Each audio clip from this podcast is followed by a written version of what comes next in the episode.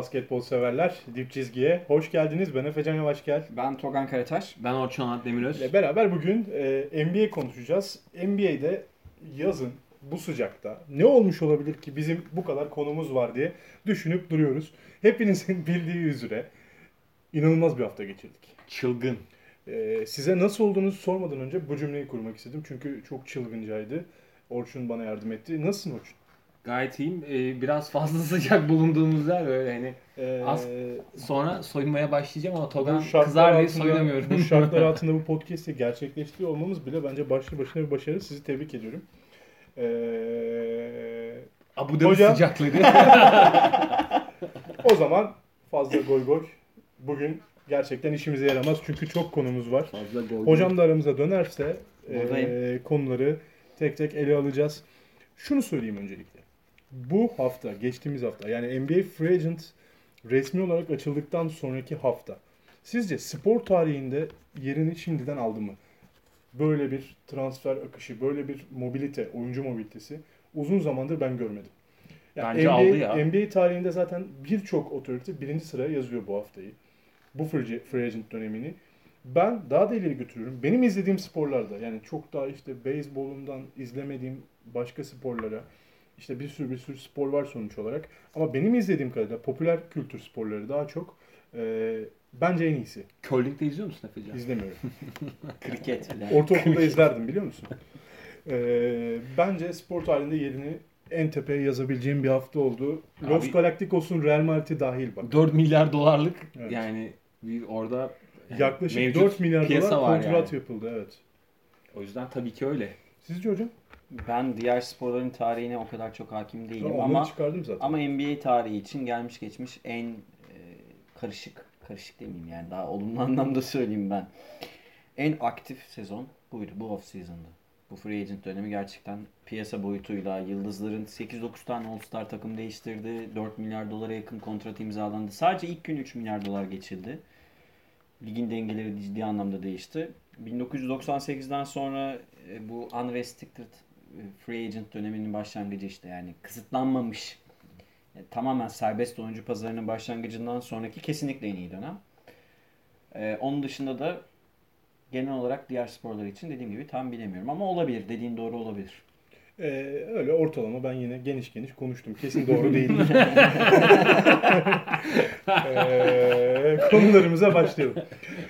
Şimdi e, zaten podcast'in tanıtımını da bugün e, sevgili Togan hocam sağ olsun bizim için e, bugün girdi podcast tanıtımını ve orada Los Angeles takımlarının durumu diye doğrudan bodozlama bir Los Angeles goy yapacağımızı doğrudan yani bunu vermiş oldu. Evet Los Angeles takımlarının durumu aslında bize free agent döneminin aslında free agent dönemi başlamadan önceki Anthony Davis takasıyla beraber gelen sürecin e, yaşandığı yer Los Angeles'tı bu sefer. Birçok yerde çok etkili oldu. İşte Brooklyn'i konuşacağız, Utah'ı konuşacağız. Onun dışında işte bakacağız, Oklahoma'yı konuşacağız. Neler oldu hepsine bakacağız. Hatta son durumla beraber Denver'a dahi değineceğiz. Ama ben bunu birazcık çeşitli gitmesi açısından ve birazcık daha mantığa yakın gitmesi açısından Batı ve Doğu diye ayırdım. Yani şimdi bu takas döneminde ya bu draft dön- pardon bu free agent döneminde bir türlü bulamadığım cümleler başlamadan önce bir şey de diyorduk. Hani ben geçen aslında geçen sezonun sonuna doğru Togan Hocam'a bir konu başlığı başlatmıştım. Hocam Doğu Konferansı daha mı güçleniyor? Yani Toronto'nun şampiyonluğu, üstüne Brooklyn'in geldiği nokta ve Kawhi'nin henüz belli olmayan durumu. Milwaukee'nin durumu. Milwaukee'nin durumu, işte Philadelphia'nın durumu. Ee, her ne kadar güç kaybetse de belki de Boston'ın tekrardan o piyasaya girebilme potansiyeli falan falan. Yani Doğu Konferansı bir öne geçme durumundaydı. Şimdi sizce son durum, güncel duruma baktığınızda Batı tekrardan hegemonyasını sağlayacak mı? Bence geri aldı. Batı yeniden. Yani Kavini'nin oraya gitmesi evet işleri değiştirdi. Nasıl gittik abi ona geçelim o zaman. Herkesin konuşmak istediği, bizim de merakla konuşmayı Hemen hemen pası attım burada. çektiğimiz. Evet. Çok da şey olmadı. Ee, bir de Beklediğini bulamadı. hocam hocam tanıtımda şunu yazmıştı. Uzun süreden sonra mutlak bir güçlünün olmadığı bir sezon izleyeceğiz. Yani bunu biraz Golden State'le bağlaştırdım ben. Yani birkaç senedir, 4-5 senedir Golden State'in ee, daha egemen olduğu, bayağı hük, hükmünü sürdü aslında. Tabii NBA 5 içinde. sezondur Aynen. final. oynuyorlar zaten. Ee, bunun içinde 3 tane şampiyonluk var zaten son 5 senede. Daha öncesi de var. Ee, Kawhi bu Kawhi'nin Clippers'a gidişiyle beraber Golden State'in hani biraz güç kaybettiği zaten Lakers tarafına geçtiğinin güçlerin biraz konuşuyorduk. Clippers'la beraber sizce Golden State kaçıncı takım oldu? NBA Batı konferansının. Yani ilk 5'in dışına yazabiliriz. Clay'in sakatlığını da İlk düşünürsek. 5'in dışına. Clay'in sakatlığını da düşünürsek, Mart'ta döneceğini düşünürsek Golden State sezonu ilk 5'in dışında bitirebilir. Playoff için söylemiyor. Utah falan da orada hani Utah, düş- Denver. göz, göz, göz önüne alınca. Utah, Denver, Houston, Los Angeles takımları. Hatta sen yine Ben dalganı geçersin. Sen yine dalganı geçersin ama Spurs Golden State'in üstünde bitirebilir. Clay'in sakatlığı nedeniyle söylüyorum bunu. Ee, Houston lafını hiç geçireceğimizi tahmin etmiyordum bu podcast'te. Sağ olun hocam. Araya sıkıştırdığım için. Orçun sana dönüyorum. Ee, Los Angeles Lakers'a Kawhi niye gitmedi bir bunu konuşalım. Şimdi bunu şöyle açıklayayım. Bugün hocam al bunu girişe koyarsın diye. Bana zaten video atmış. Kimdi? Ee, Unuttum şimdi. Unuttum ben de ismini. Bir tane yorumcu ESPN tarafından e, şunu söylüyor. Kawhi Lakers'a şu yüzden gitmedi. Bir, e, Lakers'ın güven vermediğini söylüyor. Hangi konularda? Lakers Yönetimsel. hem yönetimsel olarak güven vermiyor. Magic Johnson'ın konuşmalarını örnek göstermiş. Aynı zamanda Ve Magic Johnson'ın sürece dahil olup sonra süreç sonlanmadan ayrılması. Ben Evet. pek öyle olmadığını düşünüyorum ya. Yani tercihinde yönetimsel bir taraf olmadığını düşünüyorum. iki, sürekli sakatlık yaşayan bir e, oyuncu profili olması Lakers'ın. Medikal Hmm. kısmında Kavai'ye güven vermeyen ekip, ekibe sahip olması diye söylemiş. Yani nasıl Lonzo'nun sakatlığı, Ingram'ın sakatlığı sürekli düzelemeyen bir genç oyuncu skalası yakaladı aslında Lakers. Ondan önce D'Angelo'nun da oraya bağlantılı bir sakatlığı vardı. Bu durumu örnek göstermiş. Bunların hepsinin e, daha belirgin, ne olduğu belli, daha nasıl yönetildiği belli, küçük market diye bir şey olmayan bir Los Angeles şehrinde Clippers takımını seçtiğini söylüyor. Nasıl yorumlarsın? Ya bence bu saydığın iki maddeyi de e, Kawhi'nin e, tercihin ben ilgili olduğunu düşünmüyorum. E, yani. Clippers'da zaten e, yani Toronto'dayken de sürekli flört halindeydi. Bu bilinen bir şey yani. Clippers işte yöneticileri gidip e, maçlarını falan takip ediyordu Kawhi'nin.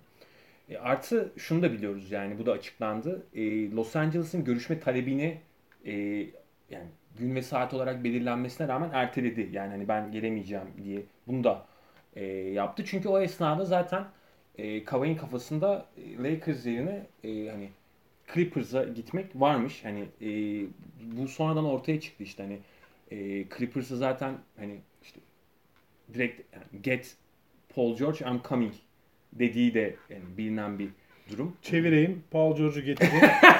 Ee, Paul George'u getirirseniz eğer ben size geliyorum diye Direkt, çevireyim. evet, direkt Bilmeyen arkadaşlar olabilir çünkü. güzel bir çeviri yaptı. haftaya, haftaya Rajundara Cikuzu'yu konuk alalım. olur olur. Aklıma çevireyim mi deyince şey geldi. Konudan biraz bağımsız olacak ama şu hangi e, kanalda maratonda mı ne vardı Japonca futbolcu ya. Benim de aklıma Çeviri. şey gelir ya. Şotan'ın mı? Yok yok. Ee, Nedved'de yapılan. Ha, İtalyanca e, röportaj talihsiz Neyse. bir andır o da. O- olaydan kopmamak adına devam edelim. Ya Kawhi e, kısaca şunu istemedi abi. Yani hani ben e, LeBron'un e, adamı olmak istemiyorum dedi. E, Clippers'ı tercih etti. E, Gerçekten böyle mi düşündün? Ben gerçekten böyle olduğunu düşünüyorum. Lakers'ta AD ve LeBron'un yanında gölgede kalacağını mı düşünüyordun? Ya şu bir kere ya şimdi olası bir e, Lakers şampiyonluğunda ki Kawhi oraya gitseydi zaten yani ligin yeni gücü Lakers olacaktı yani bu tartışmasız. Oraya gitseydi e, bütün başarıyı, bütün e, elde edilen her şeyi LeBron ve Anthony ile e, Davis'te paylaşmak zorunda olacaktı. Şimdi e, bunu istemediğini ben e, tahmin ediyorum. Yani Toronto'da da işte e, o hani direkt lider adam, bayrak adam olma e, noktasını yaşadı. E, bunu devam ettirmek istiyor. Be- Belki hani aklından şu bile geçiyor olabilir e, Kawhi'nin. Yani hani e, post LeBron dönemi sonrasındaki e, ki bence bu sezon oynadığı e, playoff'la beraber zaten ilk adam olma e, ihtimalini gözler önüne serdi yani. Hani LeBron'dan sonra e, direkt ligin e, ilk süperstarı olacağının sinyalini verdi. E, e, bunu devam ettirmek istiyor olabilir. E, ben e, hani Clippers'da bunu ki Clippers yapılanması bunu gösterdi yani hani e, Kawhi'ye bence çok güzel bir e, hani net bir yapı kurabileceklerini de gösterler bu sezon. Hani nasıl rekabetçi olabileceklerini de gösterler. Hani süperstar eklemesi gerekiyordu oraya. İşte hani e, onun için Dark Rivers ve ekip iyi bir e, yapı kurdu. E, bence Clippers'ı tercih ederek Kawhi kendisi adına e, hani kendi e, hani mirası adına daha doğru bir hamle yaptı diye düşünüyorum. Hocam size şöyle döneceğim. Ee... Ha, artı bunu da pardon söyleyeyim. Ligin de e, rekabetçilik e, noktası açısından daha sağlıklı bir tercih oldu. Teşekkürler. Rica ederim. ee, şimdi Togan, Togan hocama Togan hocama dönerken şunu da konuşalım şimdi. Hem Clippers kadrosunu değerlendireceğiz. Hocam size şunu sormak istiyorum. Biz yazın yazın değil hatta Zubac e, Clippers'a geldikten sonra bir NBA podcast'imizde Clippers'ın Jerry West Jerry West'in planlarında sanki Paul George ve Kawhi aynı anda istemek olduğunu bir konuşmuştuk diye hatırlıyorum. Olabilir. Böyle bir ihtimali değerlendirmiştik. İhtimaller üzerinden. Ama hani beklemediğimiz bir şeydi aynı zamanda. Hani bunu tahmin ettiğim gibi bir şey söz konusu olamaz. Çünkü bunu kimse tahmin etmedi. Paul George tamamen sürpriz oldu Kimse ya. tahmin etmedi. Herkes uyandığında şoke oldu. Ee, çünkü Lakers'a verilen sürenin sonuna gelmiştik o sabah. Ve sizce, ben size bu soruyla döneyim. Kawhi Lakers'ı sabote mi etti? Evet. Ee, bu arada Ve burada Lakers hatalı mı? evet ona da cevabım var. Togan sever böyle. Orçun'un dediklerine katılıyorum ama Efecan'ın dediği noktaların da yanlış olmadığını düşünüyorum bu arada. Yani LeBron'un takımında oynamak istememesi evet ama bunun dışında Lakers'ı bir organizasyon olarak görüyorum. da beğenmediğini düşünüyorum ben Kawhi Leonard'ın. E, Lakers'ın hataları işte burada devreye giriyor. Bence yeteri kadar sonuçta bir oyuncuyu ikna etmeniz gerekiyor. Organizasyonun işte bütünlüğüne, geleceğine ilişkin, hedeflerine, işleyiş yapısına ilişkin ikna etmeniz gerekiyor. Burada o front office'in Lakers'ın iyi iş çıkarmadığını düşünüyorum. Buna dışarıdan destek veren Magic Johnson da dahil ki o front office'ten bir, bir süre önce istifa eden bir Lakers efsanesinden bahsediyoruz. Lakers'ın bu noktada hatası var. Bence yeteri kadar e, bir çekim merkezi olmayı başaramadılar. Büyük bir pazar takımı olmalarına rağmen.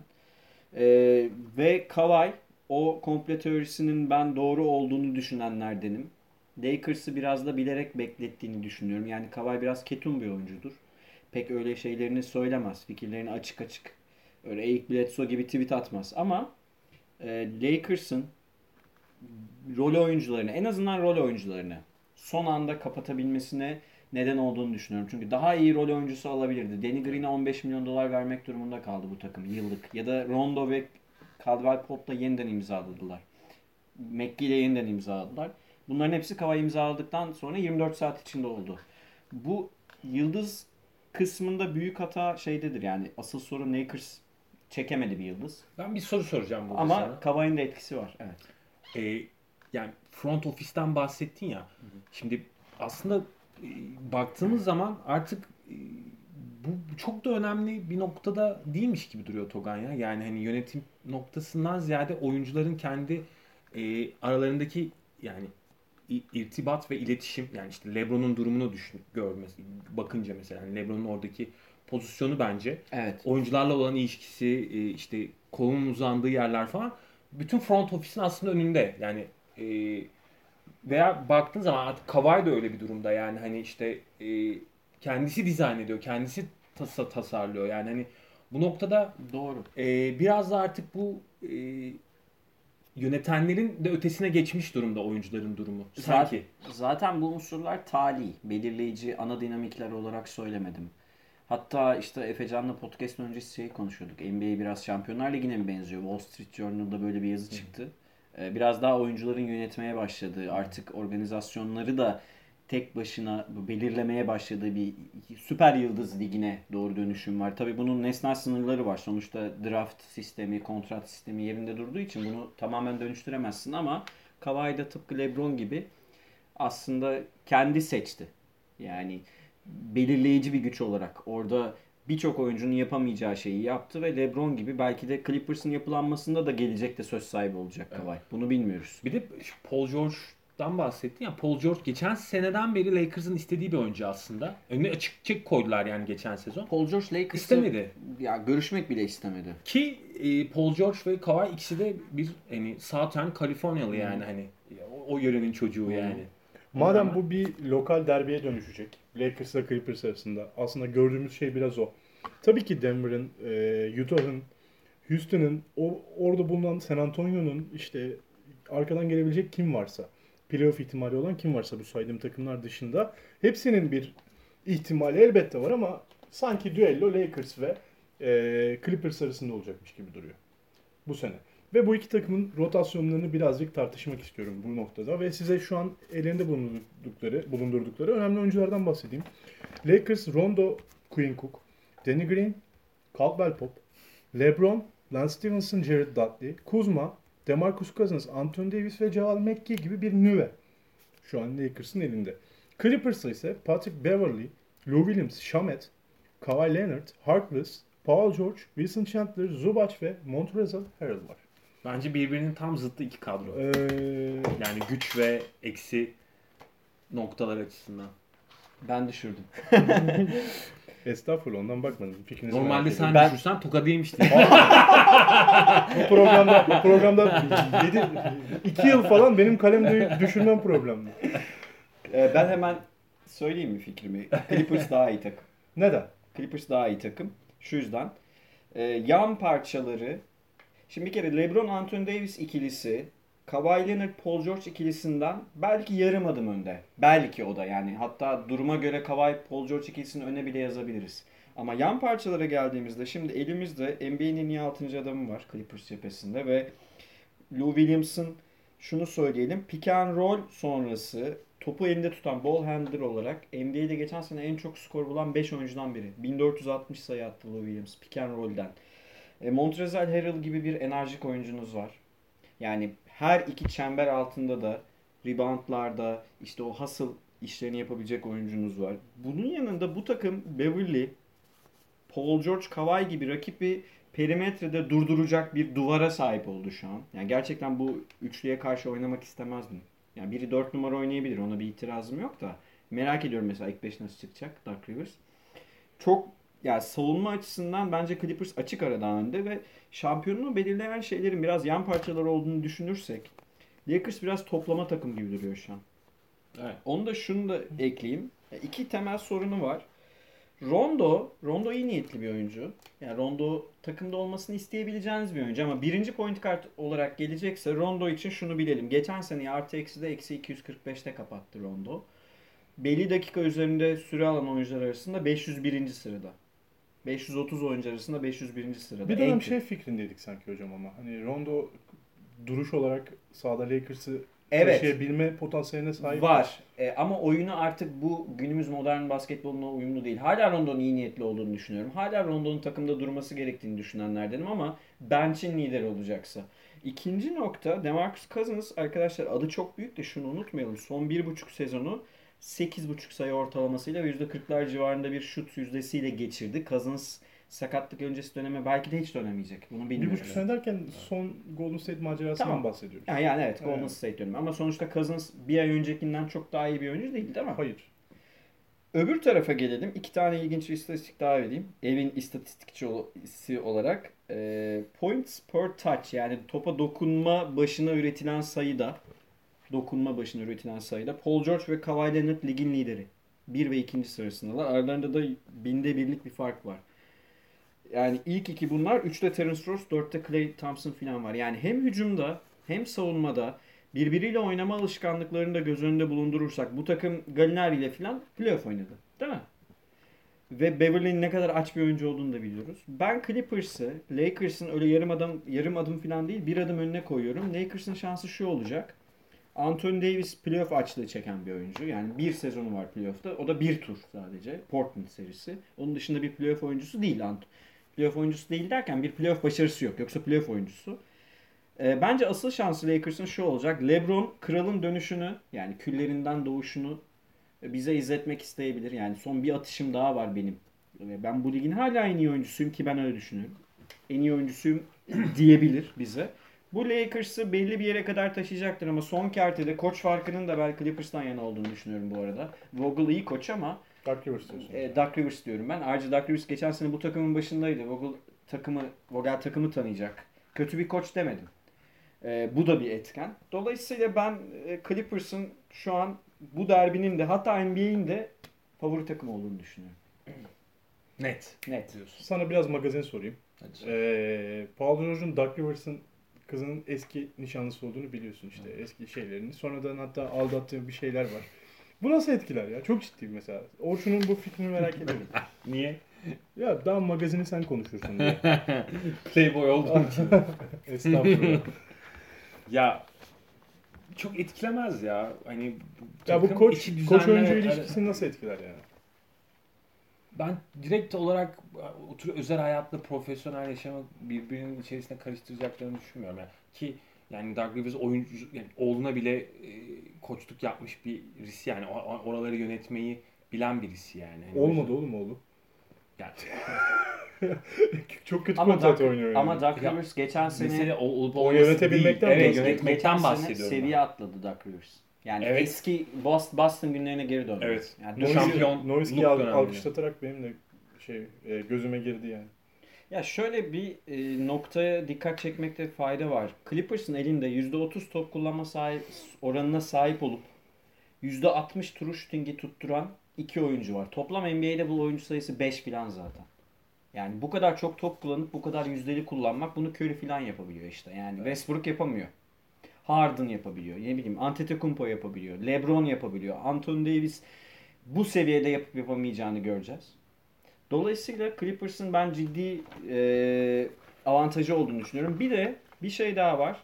Kawhi Leonard ve Paul George birbirini tamamlayan oyuncular olacaklar. Yani, Ben bu konuda işte o kadar emin değilim. E, öyle mi? Tamam ben bunu söyleyeyim sana paslayayım. Lakers'ta birbirinin üstünde binecek daha fazla oyuncu var. Mesela DeMarcus Cousins'ın bence bench'ten gelmesi gerekiyor. Bu bir sorun yaratabilir uzun vadede. Orası kesin. İki numarada Danny Green'in çok dalgalanabileceğini düşünüyorum.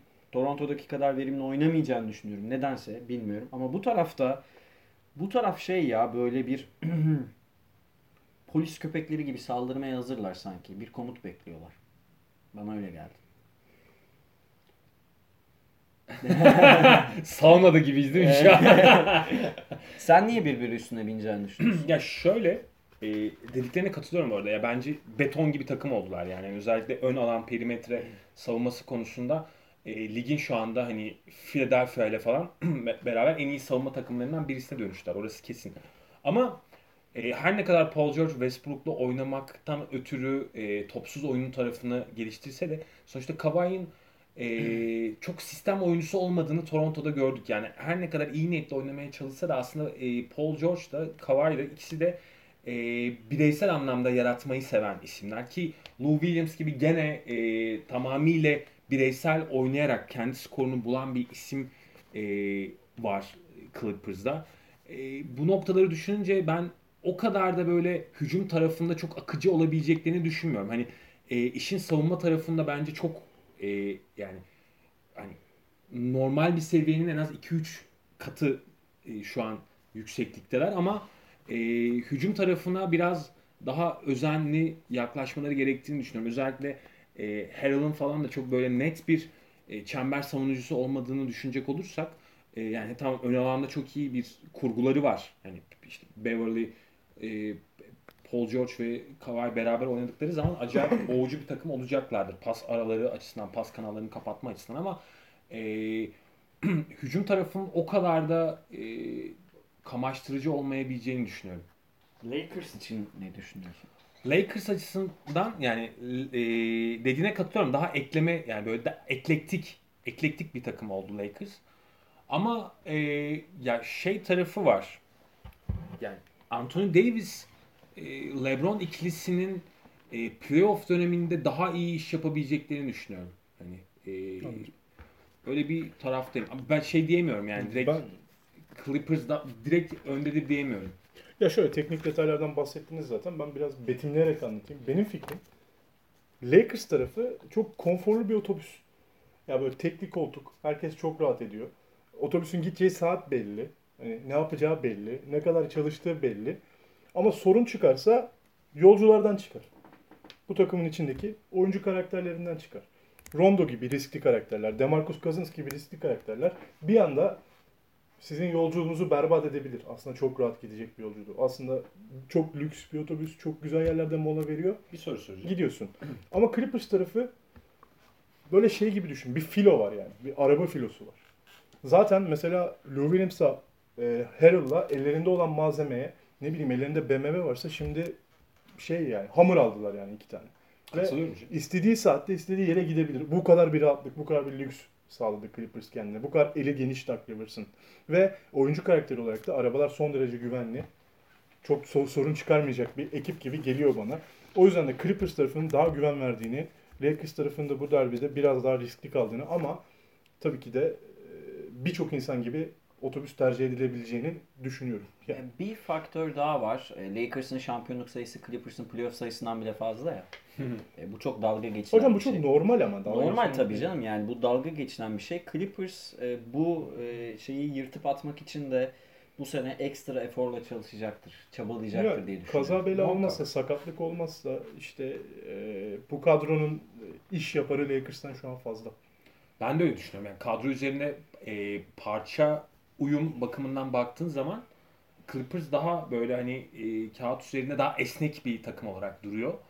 E, ama Lakers'ta da e, yani mesela hani Cousins falan hani sorun çıkartabilecek isimler dedim. Abi LeBron'un olduğu yerde bence pek o tür hani e, kişisel anlamda Abi geçen so- sene bütün takım birbirine katan da LeBron'du ama bir yerde. evet. Yani LeBron istediği zaman sorun çıkartabilen bir karakter. Ama zaten istemediklerini gönderdi. Ama yani bu takım mesela DeMarcus Cousins ilk 5 çıkamadığı zaman ne yapacak kenarda? Bence DeMarcus da Kuzma ona- Kendall Jenner'la takıldıktan sonra acaba ilk 5'te olmamayı kabul edecek mi DeMarcus'u sokup? Bilmiyorum bu takım riskli bir takım yani. riskli olduğuna %100 katılıyorum. Yani Clippers'ın dediğim gibi daha esnek ve daha e, hani bu anlamda e, iş yapabilirliğine de e, hem fikrim. Sadece demek istediğim e, yani Clippers'da sandığımız kadar Yani iyi kabul, olmayabilir. Kabul mesela çember savunucusu eyvallah ama zaten bu stille ne yapacaklar acaba? Geçen sene Marc Gasol gelmeden önce mesela Toronto'yu beğenmiyor muyduk? Beğeniyorduk Cavali'nin yapısında. Çok mu iyi çember, çember savunucu bir takım diye bakayla. E, ya Marc Gasol hamlesi ama şampiyonluk hamlesiydi yani. Tabii ki de. Yani Takıma bu, daha ama farklı bu bir sezon boyut kattı. içinde sezon içinde Paul George'ları da yoktu elinde. Hani Evet, Böyle yani- de bir faktör var. Clippers'ın da yani eksiklikleri var demek istediğim o. Ben şey bu arada Jerry West'i kutlamak lazım. Adı boşuna Mr. Clutch değil. Oyuncuyken de Clutch, yöneticiyken de Clutch. Son anda hiç kimsenin beklemediği hamleler yaptı. Şeyi sorayım. Mesela Clippers'ın işte bu glue guy dedikleri yapıştırıcı oyuncuları var işte. Mesela Beverly bir yapıştırıcı Evet. oyuncudur. Hatta Harrell bile o role girebilir durduğunda yani. Lakers'ın kim olacak? Harkless bile öyle. Harkless da öyle olabilir. Şamit de öyle geçen yani. sene Yani Harkless'ın playoff performansı iyiydi bu arada Evet. Golden State'e karşı. Spurs'daki Danny Green o rolü yapabilir ama ben e, Lakers'ta bu rolün henüz biçilmiş kaftanı şu şu oyuncu çok iyi. Kuzma olabilir orada. Clippers'ın mı? Yok Lakers'ın. Ben o kadar emin değilim abi Kuzma'nın o rolü yapabileceğinden. Yani Kuzma'nın bu sezonu savunma anlamında, hücum demiyorum, savunma anlamında çok çok iyi geçirmesi lazım. Çünkü LeBron normal sezonda biraz yatacak. Anthony Davis de bence biraz yatacak savunmada. Cousins zaten aksıyor bazı pick and roll'de falan sorun çıkıyor. Bu takımda Kuzma'nın çok iyi bir savunma sezonu geçirmesi lazım. Doğru. Nisan sonunda hadi oğlum Jared Dudley diyebilir bu takım yani. Sahaya Ee, yani şey durumu var ya. Loud management tabii ki yani LeBron'un sağlıklı kalmasını isteyeceklerdir. O yüzden 50-60 maç arası ben hani tam verimde oynayacağını düşünüyorum. Yani bir 20-30 maç yatar LeBron. Yatarsa bence playoff sıkıntılı. Yok aktif Tamam. yatar. Yani Aktif sahada. yatar eyvallah. Şey oynar, diyeceğim, yani- oynar ama aktif yatar. E, vites vitesi atmaz yani. hani. Ee, biraz da artık burada kapatalım. Tamam. Çünkü Clippers Lakers uzadıkça uzar. Sezon içinde de çok konuşacağız Evet, evet. zaten. Yani sen ama şey diyor musun? Final ikisi de final oynar diyor musun yoksa e, Batı'da mı? Evet yani Batı finali adayın Olabilir abi ikisi Batı finali oynayabilir. Yani San mümkün. Antonio'yu geçemeyebilirler ama. San Antonio sizin zannettiğinizden yine daha başarılı olacak. Ha bir ufak bir değinelim. Artık diğer takımlar turu başladı. San Antonio hocam. ee, ne bekliyorsunuz bu sene San Antonio'dan? DeMar Carroll hamlesi geldi. İşte ee, takımı Marcus Morris hamlesi. Marcus Morris hamlesi geldi. Çok Pardon unuttum. Dejante Murray geri dönüyor. Dejan Murray geri dönüyor. Lonnie Walker belki süre alacak. Alacak. Bu takım rotasyonlu bir takıma mı dönüştü? Evet. Şu an NBA'in çaktırmadan en derin kadrolarından birine sahip rahat oldu playoff Spurs. yapar canım San Antonio sene. Ee, hatta ben playoff yaparı da ileri götürdüm. Konferans yarı finali 6. maçı kafamızda oynadım kazandık. Kafasına. Ya Kime karşı Spurs, boş ver Denver'ı abi. konuşalım o zaman. Spurs e, bu Batı'nın Utah, Golden State, Houston, Lakers, Clippers gibi güçlü takımlarından bir tanesini geçecek bence. Normal sezonda. Normal sezonda. Ben Ee, Utah'ın da geçeceğini düşünüyorum. canım. Orçun. Yani. Hadi, hadi konuyu sen açtın. Utah için ne düşünüyorsun? Utah'ın e, Bogdanovic'i işte e, eklemesi, Mike Conley'i eklemesi. Ama henüz bir power forward'inin olmaması. Evet. Power forward yok abi takımda şu an. Takımda Jeff bir Green tane var. bile yok. Jeff Green'i eklediler. Jeff Green kötü hamle değil bu arada. E, Jeff Green bence iyi bir hamle de değil. Ama şöyle bir sorun var abi. Elindeki forvetlerin hiçbiri 3.5 numara değil. Boyan orada oynayamaz. Ingles orada oynayamaz. Evet. Yani baktığında kısa bir takım aslında. Ya Gober şöyle- artı 4 kısa. Ya bu takımın en büyük sorunlarını çözdüler bence. Bu takım hani e, perimetre yaratıcılığı sorunu yaşayan Donovan Mitchell dışında orada bir e, kendi skorunu üreten isim yoktu. Oraya Conley eklemesi bence zaten direkt Müthiş. yani tartışmasız bence mu- muazzam bir ekleme. E şu an Donovan Mitchell'la Conley'i zaten orada buldular. İki tane çok Ki elit İng- isim. İngiliz ve Bogdanovic gibi Ha, atıcıları şimdi- ve top yönlendiricileri var. Aynen öyle yani İngiliz gibi ve Bogdan gibi e, Boyan gibi mobil anlamda hani mobil olmayan anlamda atıcıları var. Spot up şutör. Spot up diyelim aynen. E, Ayrıca bu, bu oyuncular potaya da yönelmeyi seven oyuncular. bu Aynen öyle. Gober'i de oynatabilecek E, oyuncular yani. Gober gibi arkada bir e, ligin en iyi kalecilerinden birisi var. E zaten takım üzerinde yani bir iskelete baktığın zaman iskelet zaten oturmuş durumda orada. O yüzden ben bu işte Jeff Green sen beğenmiyorsun ama bence e, derinlik yani takıma derinlik katabilecek e, Ama e, e, ana oyuncu o değil. şey aldılar. Ede, Ede aldılar yani. Yedek Ed Davis var. Ed Davis kötü Ama bir ekleme o değil bu Gober'in arada. yedeği bu arada yani. Ama yani takım yani Utah'ın neydi abi yani? Derek Favors kalsaydı abi değişik Evet. konuşurdum ama Derek Favors kontrat nedeniyle kalamadı. Kalamadı, Yani evet. Mesela e, Demar Carroll diyelim Spurs'un aldığı. Utah'a gidebilseydi ya alamıyorlar şu an onların da cap iyice dolduğu için. Evet. Biraz farklı konuşabilirdim. 4 numara ciddi boş şu an. Yani Jeff Green 35 dakika oynamayacağına göre. Evet Orası ben, biraz boş. e, ben e, geçen sezonun üzerinde olduklarını düşünüyorum yetenek tavanı olarak, yetenek Tabii. tavanı olarak ve ben ilk 4 normal sezonun ilk 4'te bitirebileceklerini düşünüyorum. Yani. Onu ben de öyle düşünüyorum. Ee, son güncel takaslardan biri Jeremy Grant e, ilk tur draft hakkı 2020 ilk tur draft hakkı karşılığında Denver'ın yolunu tuttu. Oklahoma kadroyu boşaltmaya başladı. Westbrook da takasını istedi. Hem Denver'ı hem Oklahoma'yı konuşalım. Denver hocama Oklahoma'yı sana bırakacağım. Hatta ben de yorumlayayım biraz. Denver Ben şöyle Denver'ın özellikle e, e, Will Barton'ın çalışmadığı yeri bravo. Jeremy Grant'la tamamladığı takdirde çok e, savunma anlamında çok büyük kat edeceğini Tabii düşünüyorum. Ya hücum anlamında Jeremy Grant beklentileri bir nebze karşılayabilir. İyi bir oyuncu. Hatta sert bir oyuncu, güçlü bir oyuncu. Forvet için 3-4 oynayabilme mobilitesine sahip bir oyuncu. Çok elini genişletecekmiş gibi geliyor bana Mike Malone'un hocam. Siz ne düşünüyorsunuz? Dediklerine sonuna kadar katılıyorum. Bu arada Jeremy Grant çok iyi bir transition'da oyuncusu aynı Evet, kesinlikle. zamanda. Ee, Topsuz oyunu çok iyi Yani yani. ve perde çıkışı olmasa da o spot up dediğimiz şutları da efektif olarak çok iyi sokabilen bir oyuncu. İyi bir reboundçı. Evet. İşte Mesela Utah'ta çok iyi olurdu. 3 atmaya başladı. canım. %30'un üstüne çıkardı. Evet. Üçlük Şimdi dolayısıyla. Denver oradaki eksikliğini kapattı. 4 numaraları vardı işte. Millsap yok hiç yani oynuyor da 3.5 numarada Barton kötü bir sezon geçirince orayı çok zorlandılar. İşte özellikle playoff'larda gördük bu sıkıntıyı. Yani zaten kısalar kısalar uzunlar çalışıyor. yani kısalar uzunlar arasında bir bağlantı oyuncusu olacak biraz. Grant, Ama Murray yok hiç yönünü şey yoğunluğunu elinden alabilir Evet, bence güzel hamle. Denver'ın batıda yeniden ilk iki falan onları düşünmüyorum ama ilk dört Rekabetçi içerisinde Ama şu var en istikrarlı takım Denver diyebiliriz oyuncu Tabii. potansiyeli Evet. açısından. O yüzden de Denver'ın böyle bir hamleyle takım kimyasını yukarı çekeceğini düşünüyorum. Ya en azından direncini yukarı çekeceğini düşünüyorum ve bunun yeni kurulan takımlara karşı çok büyük tehdit olacağını düşünüyorum. Nasıl San Antonio derinlik kazandırdı geçen seneki düzene. Denver da bu şekilde olanı yukarıya çekmiş oldu ve bence tehdit yaratacak. Bence benim ilk 5'te kesin adaylarımdan biri takım. Bu arada şeyi Hatta söyleyeyim. ilk 4 diyorum ben bu arada. Olabilir ilk dört olabilir. Şeyi söyleyeyim Orçun öyle verelim. Oklahoma birinci tur draftı yani kimine göre ucuz gitti kimine göre pahalı gitti bunu bilemem ama vergiden çıkmak için yaptı arkadaşlar. Yani 39 Oklahoma milyon gibi bir vergi ödenecekler. 43. 43 mü? yani Grant gittikten sonra o biraz indi. Grant gitmeseydi ikinci kez lüks vergisine takıldıkları için katlamalı vergi ödüyorlardı ve bu sene 43 ödeyeceklerdi. Bugün son günü çıkmaları için. Grant'tan çıktılar bir miktar vergiyi düşürdüler. Yani şöyle Oklahoma. bu bu draft hakkıyla beraber Oklahoma'nın önümüzdeki 7 senede İlk turdan ikişer tane oyuncu seçme Evet. hakkı oldu. Hem de unprospected. Clippers'tan aldıkları, işte Clippers'tan aldığı Miami piki de var. Clippers'ın kendi pikleri var. Bir de üstüne Denver piki Orçun. Oklahoma neyin peşinde Westbrook'u takaslayacak mı? Takas ihtimallerini konuşacağız şimdi. Ya zaten Westbrook menajeriyle beraber takas ihtimalini e, kulüple görüşmüş. Ama bilmiyorum yani Westbrook e, ya şehrin simgelerinden birisi yani hani takasla gider mi? Çok emin olamıyorum yani bu sorunun cevabını gerçekten ben direkt hani gider ya da gitmez diyemiyorum. Gidebilir ama çok seviliyor yani hani Herkes öldürür sevdiğini Orçun. Of. Mecbur de- abi mecbur yani ne? Her devrim önce kendi çocukları. Ya şu ama mevcut e, durumda evet hani gitmesi hem kendi adına hem de takımın rahatlaması anlamına gerekli. Beka, bekası için. Devletin bekası için bekası. gerekli.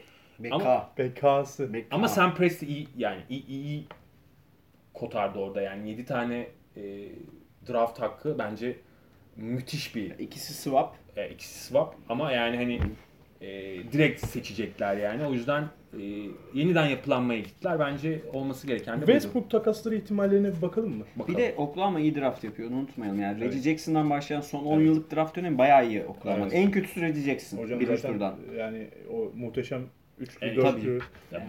kim bu lan Sam, Sam Presti? Yani Westbrook, Durant öncesinde sonrasında Westbrook işte eee Harden hı hı. bunlar hep draft başarılarıydı. Ama takımın Şimdi- dağılma zamanı gelmişti yani. Jeremy Grant dahil iyi drafttı bu arada ya. Çok Evet. iyi draft. Orlando Fansided'dan aldım bu arada bu takas ihtimallerini. Arkadaşlara da söyleyeyim bulabilirler. Ee, Orlando, Aaron, Gor- Aaron Gordon, Jonathan Isaac ve DJ Agustin üstüne yine ilk tur hakları karşılığında Westbrook alabilir diyorlar.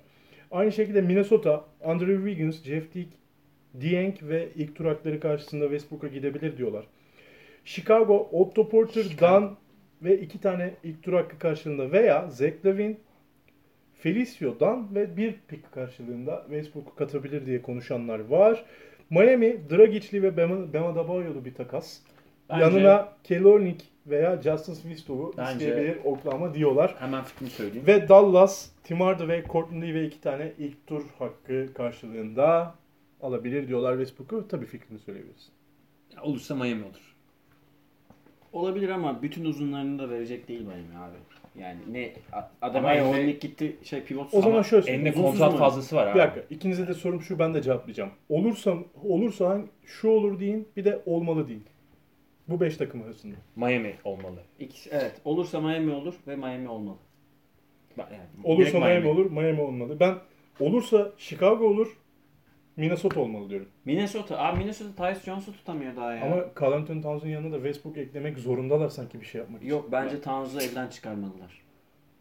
Ya hocam başka türlü bu takım E toparlanamayacak. sen yani. şey diyordun, Washington istiyorum diyordun. Ha, ama bu ihtimaller 5 ihtimal tamam. Washington diyelim ki araya Yoksa bence Washington'a gitmeli. Washington beceremez o işi de diyelim girdi Beal Westbrook yaptılar. Valla John Wall Westbrook NBA'de Takası. olabilecek en iyi takas. Valla bence Son 100 yılın en iyi takası Abi ya. Bol Bol'u iteleyemezsin öyle ya bence. Westbrook'u da iteleyemez. Abi Wall'un Westbrook'un kontratı alıcısı çıkar. Çıkıyor da. Wall'un çıkar. kontratı daha uzun. 4 Ve yıl Wall'un kontratı, 2 yıl Westbrook kontratı. Westbrook'un alıcısı çıkar abi piyasada. Westbrook'un alıcısı çıkar. Wall Ha, bu gibi arada değil yani. Dallas olmaz onu söyleyeyim ya. Carlisle Dallas almaz. dedik zaten ya. E, Ama Zaten zaten Allah bu yetmez. zaten Tim Hardaway, Doncic- Courtney artı 2 pikle olmaz yani. bu iş. Doncic Porzingis ikilisi üzerine zaten takımı inşa etmek istiyor. Yani Westbrook'un oradan işi ne? De olursa Petrali'nin yanı olur ya.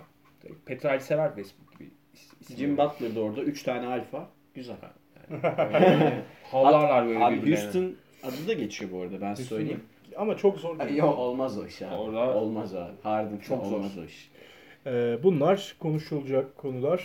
Bir de Westbrook zaten ilgili. Houston basketbolunun antitezi gibi bir şey yani. Ee, Batı'dan konuşmak istediğiniz Golden State'i biraz konuştuk ama hocam ben D'Angelo Russell Golden State birlikteliğinin dezavantajını size sormak istiyorum. Ha, Evet onu düşünüyordum. Ben notlarım arasına aldım. Orçun'a hatta bu konuda fikrini Neyi? merak ediyorum.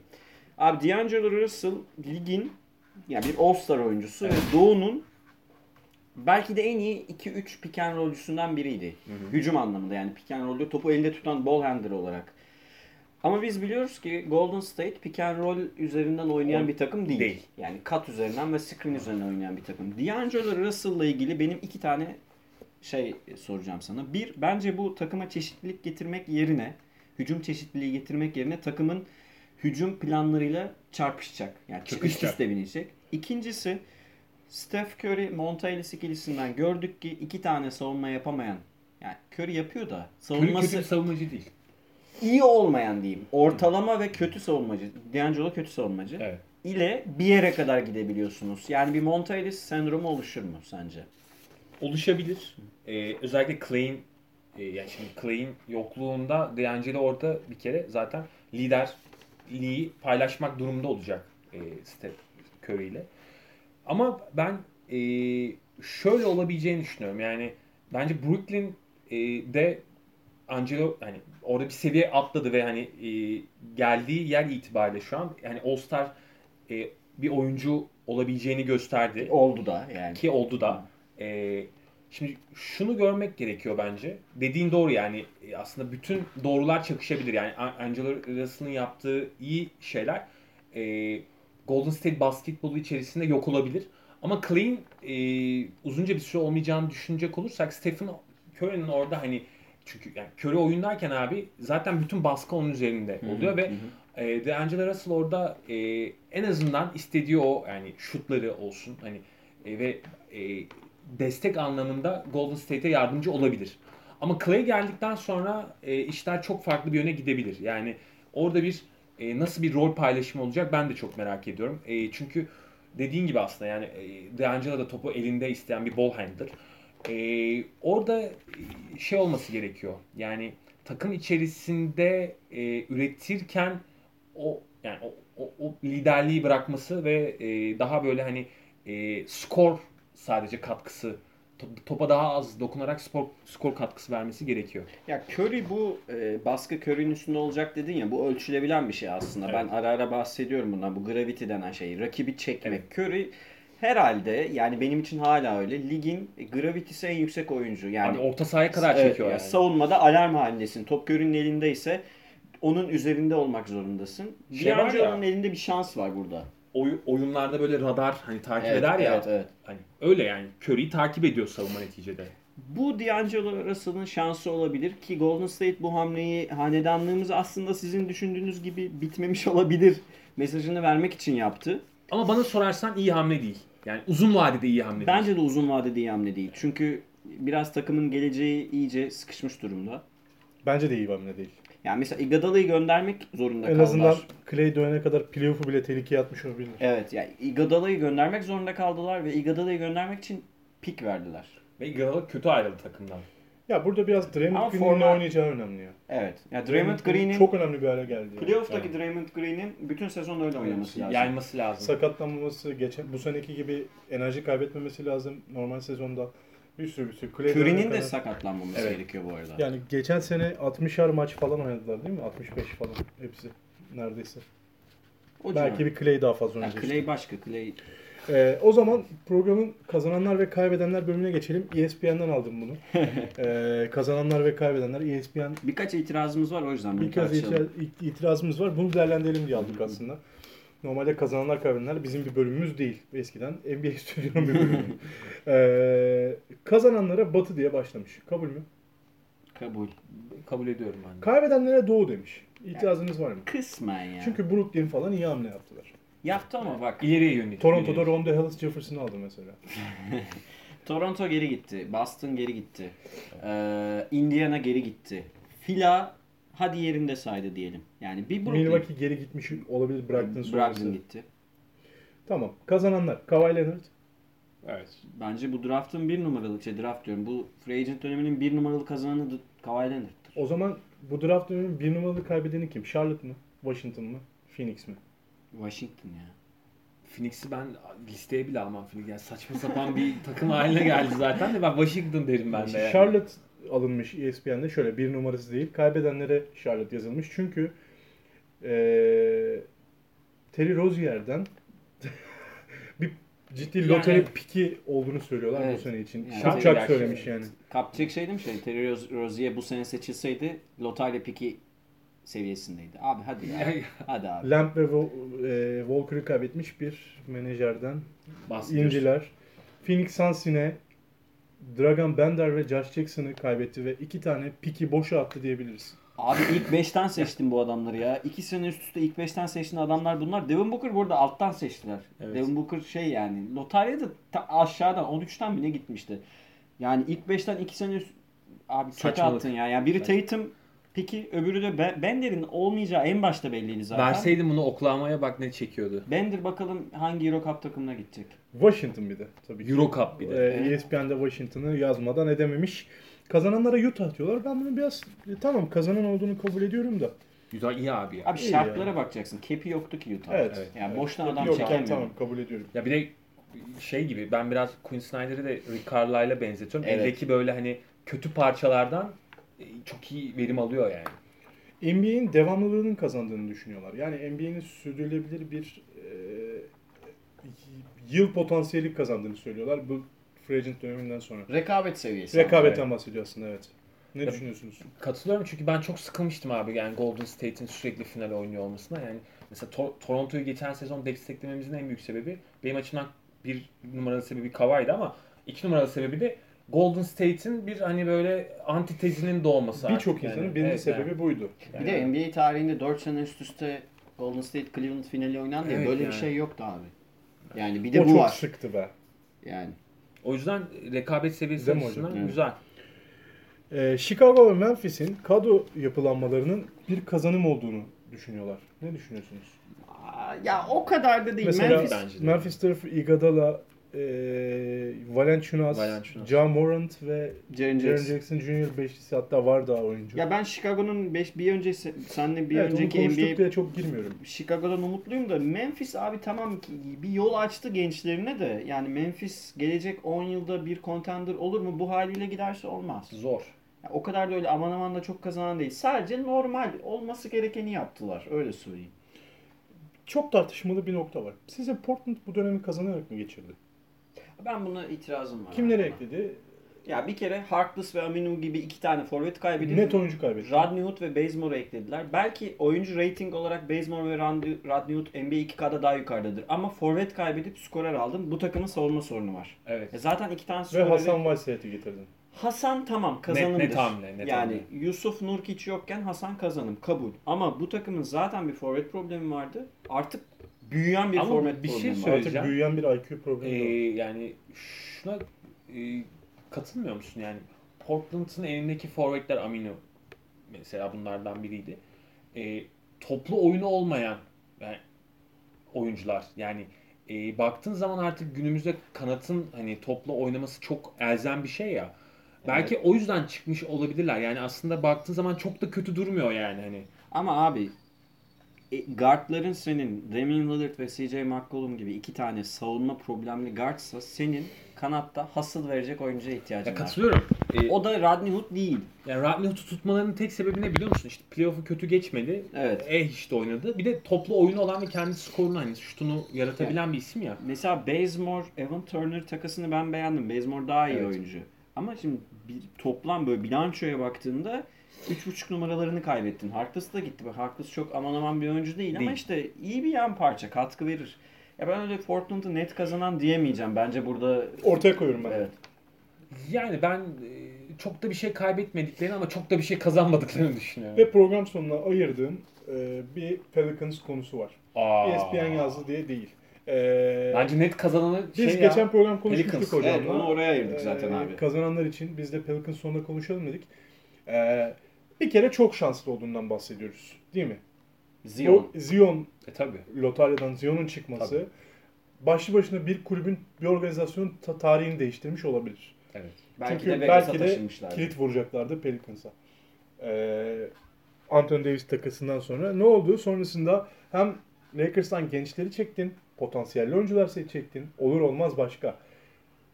Belki de son 10 yılın LeBron'dan sonraki ya da 15 yıl diyelim. LeBron'dan sonraki en potansiyelli gösterilen herkes böyle düşünmüyor olabilir. Ben öyle Bir düşünmüyorum. numara draft hakkını seçtin.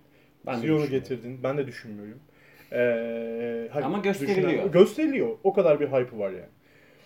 E üstüne aslında bunları yaparken biraz da kadro yapılanması için zeka harcadım ve işte Redick gibi oyuncuları. Rüdik hamlesi. ee, kadroyu derinleştirme çabasına girdi Pelicans ve bunu gerçekleştirdi.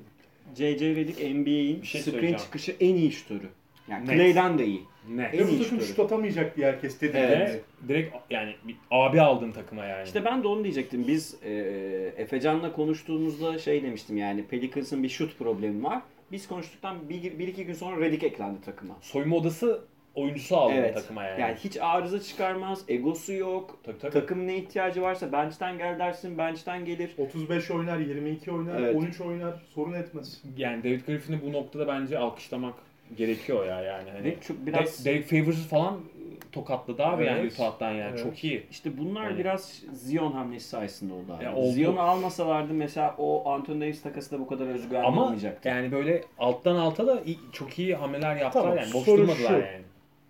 New Orleans Pelicans batıda bir playoff adayı mıdır? Evet A- bence öyle. adayıdır abi evet. Ama bence kalamayacak. Bu arada Kalır Zion Williamson'ın e, Summer League'i kapattığını söyleyelim sakatlık nedeniyle. Evet, evet. Diz sakatlığından dolayı. E, zaten ilk maçta yarım kalmıştı depremden dolayı. O kadar oynadı. Zion da çok oynayamadı. E, ne düşünüyorsunuz?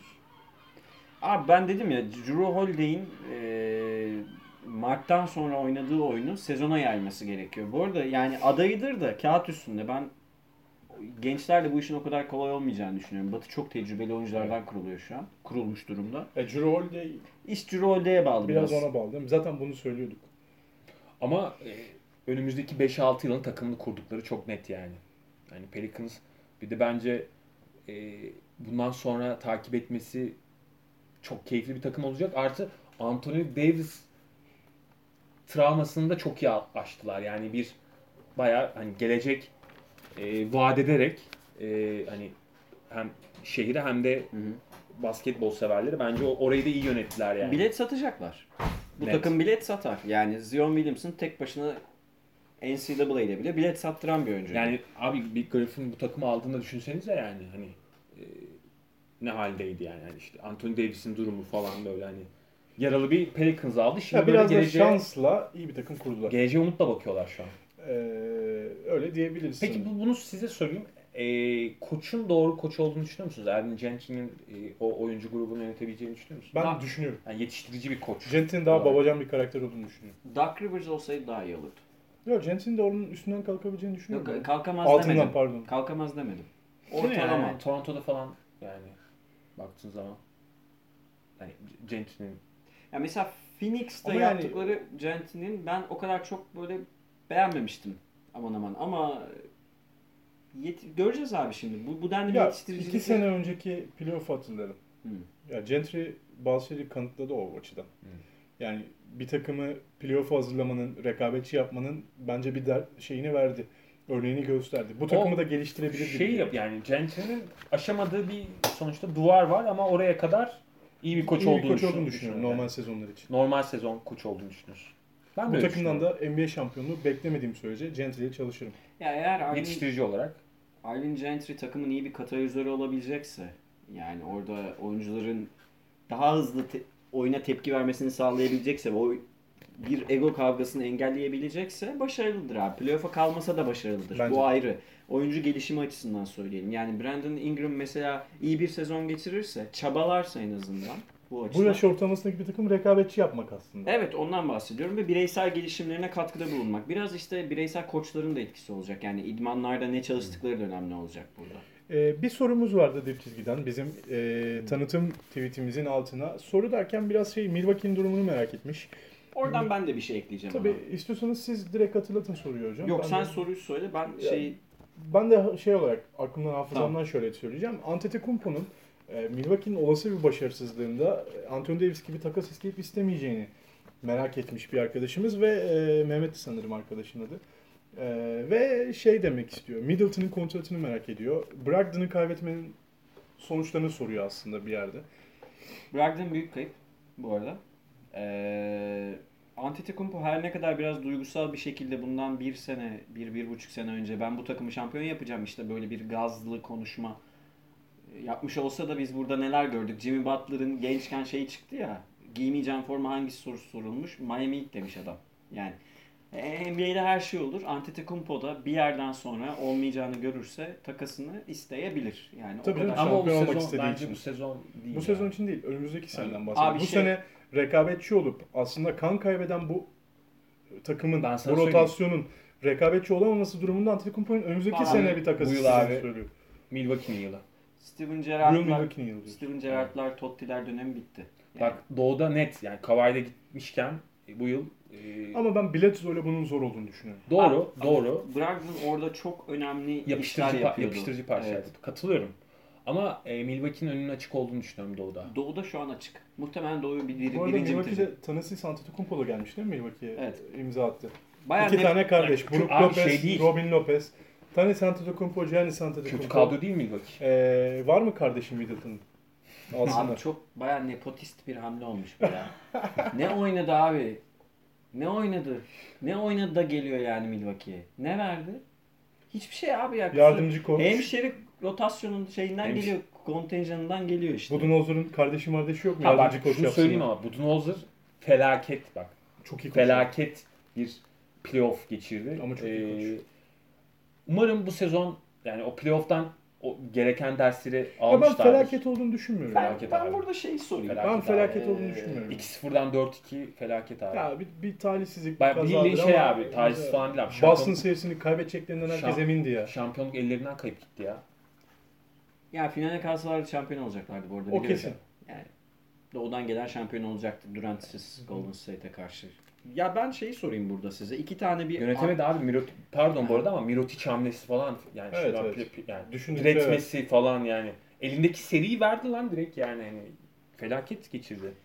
Şimdi Chris Middleton'ın kontratı biraz eleştiriliyor haklı olarak. 178 milyon dolarlık bir kontrata imza attı Chris Middleton ve şimdi bu biraz Mi- Mi- Milwaukee'nin çıkmazlarıyla ilgili bir durum.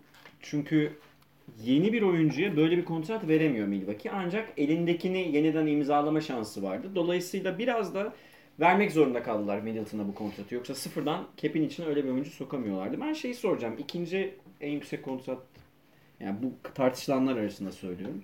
Tobias serisi de 180 milyon dolara imza aldı Philadelphia ile. Abi sence takımların koşullarını da göz önünde bulunduralım. Sizce ikinize de soruyorum. Hangi kontrat bence ikisi de sorunlu da hangisi daha sorunlu Tobias Harris bence. sence? Ben de Tobias istiyorum. Neden? Ya çünkü e, Middleton biraz daha simge bir karakter. Yani şimdi Milwaukee'de kalmasının sadece Milwaukee'de franchise oyuncusu olmasıyla alakası yok. Evet. Antetokounmpo'yla da ilişkisinin alakası var. Takıma katkısıyla da alakası var. Tobias çok daha az bir dönem oynadı. Philadelphia'ya yeterince kendini test edemedi. Philadelphia'da onunla kendini test edemedi. Redick'siz hiç oynamadı zaten. Ya şimdi Tobias'dan net bir şutörü yaratmak istiyorlar. Josh Richardson oynayacak şimdi. Josh Richardson var. Ya takım çok enteresan. Yani Tobias biraz daha vazgeçilebilir bir parçaymış gibi.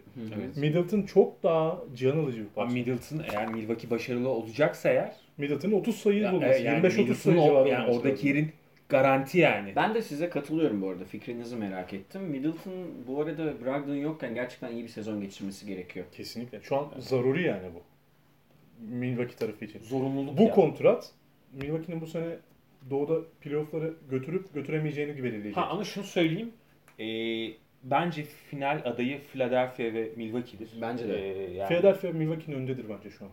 Kadro olarak. Kadro. mı? bir, dakika kim kimin önünde? Philadelphia Milwaukee'nin önündedir. Önündedir diyorsun. Ben öyle olmadığını düşünüyorum. Ya şimdi Ee, Philadelphia 5'inde tartışalım bir 2 dakika istiyorsanız. Tartışalım tabii. de. Abi Tartışabiliriz. bayağı şey NBA'in Ben Simmons, kişi. Ben Simmons, Josh Richardson, Extra Tobias size'lı bir 5. Harris, e, Horford. Al Horford ve Joel Embiid.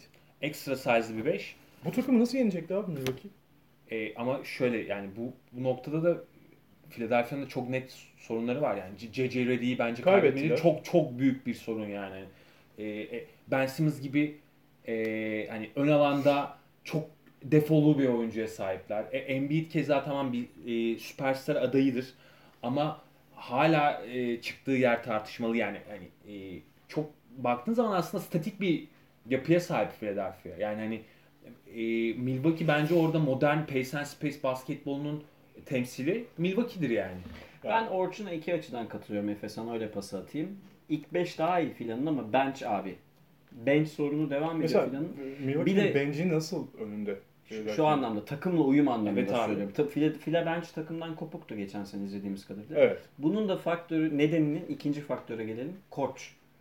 Milwaukee'nin daha iyi koçu var. Kesinlikle daha iyi bir koç var. Evet. Brett Brown'dan 3 gömlek falan iyi. Ama sen niye fila diyorsun? Yani oyuncu yetenek setini. Yetenek setinden dolayı. ya. Hem de Olabilir. şu var. Yani Antetokounmpo'nun en güçlü olduğu alanda Philadelphia çok baskın. Katılırım. Bak katılırım. Yani Ee, şimdi sen dış savunması da Philadelphia'nın çok uzun kollu, çok iyi bir savunma. Yanis'i Boyalı alan da çok iyi bir savunma yani. Yanis'i bu anlamda Ya bayağı şu takım zorlayacaklar. 7 kişiyle iki tane net eklemeyle bench'ten yani 40 40 dakika oynayacak 7 oyuncuyla şu takım doğuyu götürmesi lazım yani. Valla işte e, Brett e, Brown ne yapacak diye ben de merak Ho- ediyorum. Horford sürekli rezil ediyordu Embiid'i. Evet, onu da aldılar. yani. Şimdi önümüze kimse çıkmasın istiyorum. Ya bu, bu da şey hamlesi. Embiid'i playoff'a dinlendirme Evet, hamlesi evet. net o şekilde. Evet. Bence çok iyi transfer ama Ama rekabet iki takıma kalacak gibi duruyor değil mi? Biraz öyle ya. yani bence Şimdi do- Boston kan domine edecekler yani. Doğru. Toronto ne yapacağını bilmiyorum ama kan kaybetti tabii ki. Kava gitti yani. Ben biraz e, Fila'nın sorunlarını Lakers'ın yaşayabileceği sorunlara benzetiyorum. Yani hani o parça e, uyumsuzluğu olabilir Tek yani. bir sorun Yapı- var bence. Ben. Simmons'ın yeterince iyi bir oyun kurucu olmaması. Abi Ben Simmons'ın Bu şutu yok ya. bu takımı yani. yönetebilecek e, seviyelere bu Birisi sezon çıkması. Yani Evet. iyi bir savunmacı olabilir, iyi bir e, geçiş oyun oyuncusu olabilir Ama o kadar. ama yani Birisi- oyun kuruculuk ve şutörlük yoksa Size tweet olarak Sıkıntı attım var. ya hatta Ha. gönderdim. La- atan- lanet olası bir tane jump shot atmadan 170 milyon dolarlık kontrat alıyor diye. Abi yani evet, olay bu. olay bu. Ve bugünlük böyle kapatalım. Philadelphia'yı, Doğu'yu, Milwaukee'yi sözümüz olsun. Bir sonraki NBA programında Doğu incelemesiyle başlayacağız. Tamam. Doğu takımlarını inceleyeceğiz. Bugün Batı'ya biraz daha zaman ayırdık. Bugünlük Protex'imizin sonuna geldik. Var mı söylemek istediğiniz bir şeyler? Valla 3 kilo vermişimdir yani. İçerideki 64 dereceye çıkan sıcaklık. Hepinizi selamlıyoruz. Ee, umarım yeni yeni gelişmeler bizi daha da heyecanlandırır NBA'de. Haftaya Ki olabilecek gibi de duruyor potansiyel Westbrook Belki- bir şeyler. Haftaya Euroleague ve NBA karar vereceğiz. Bakacağız. Hangisi daha zaruri ise biz de onu yapacağız. Dinlediğiniz için teşekkür ederiz. Dip çizgi ekibinden herkese iyi haftalar diliyoruz. Hoşçakalın. görüşmek üzere.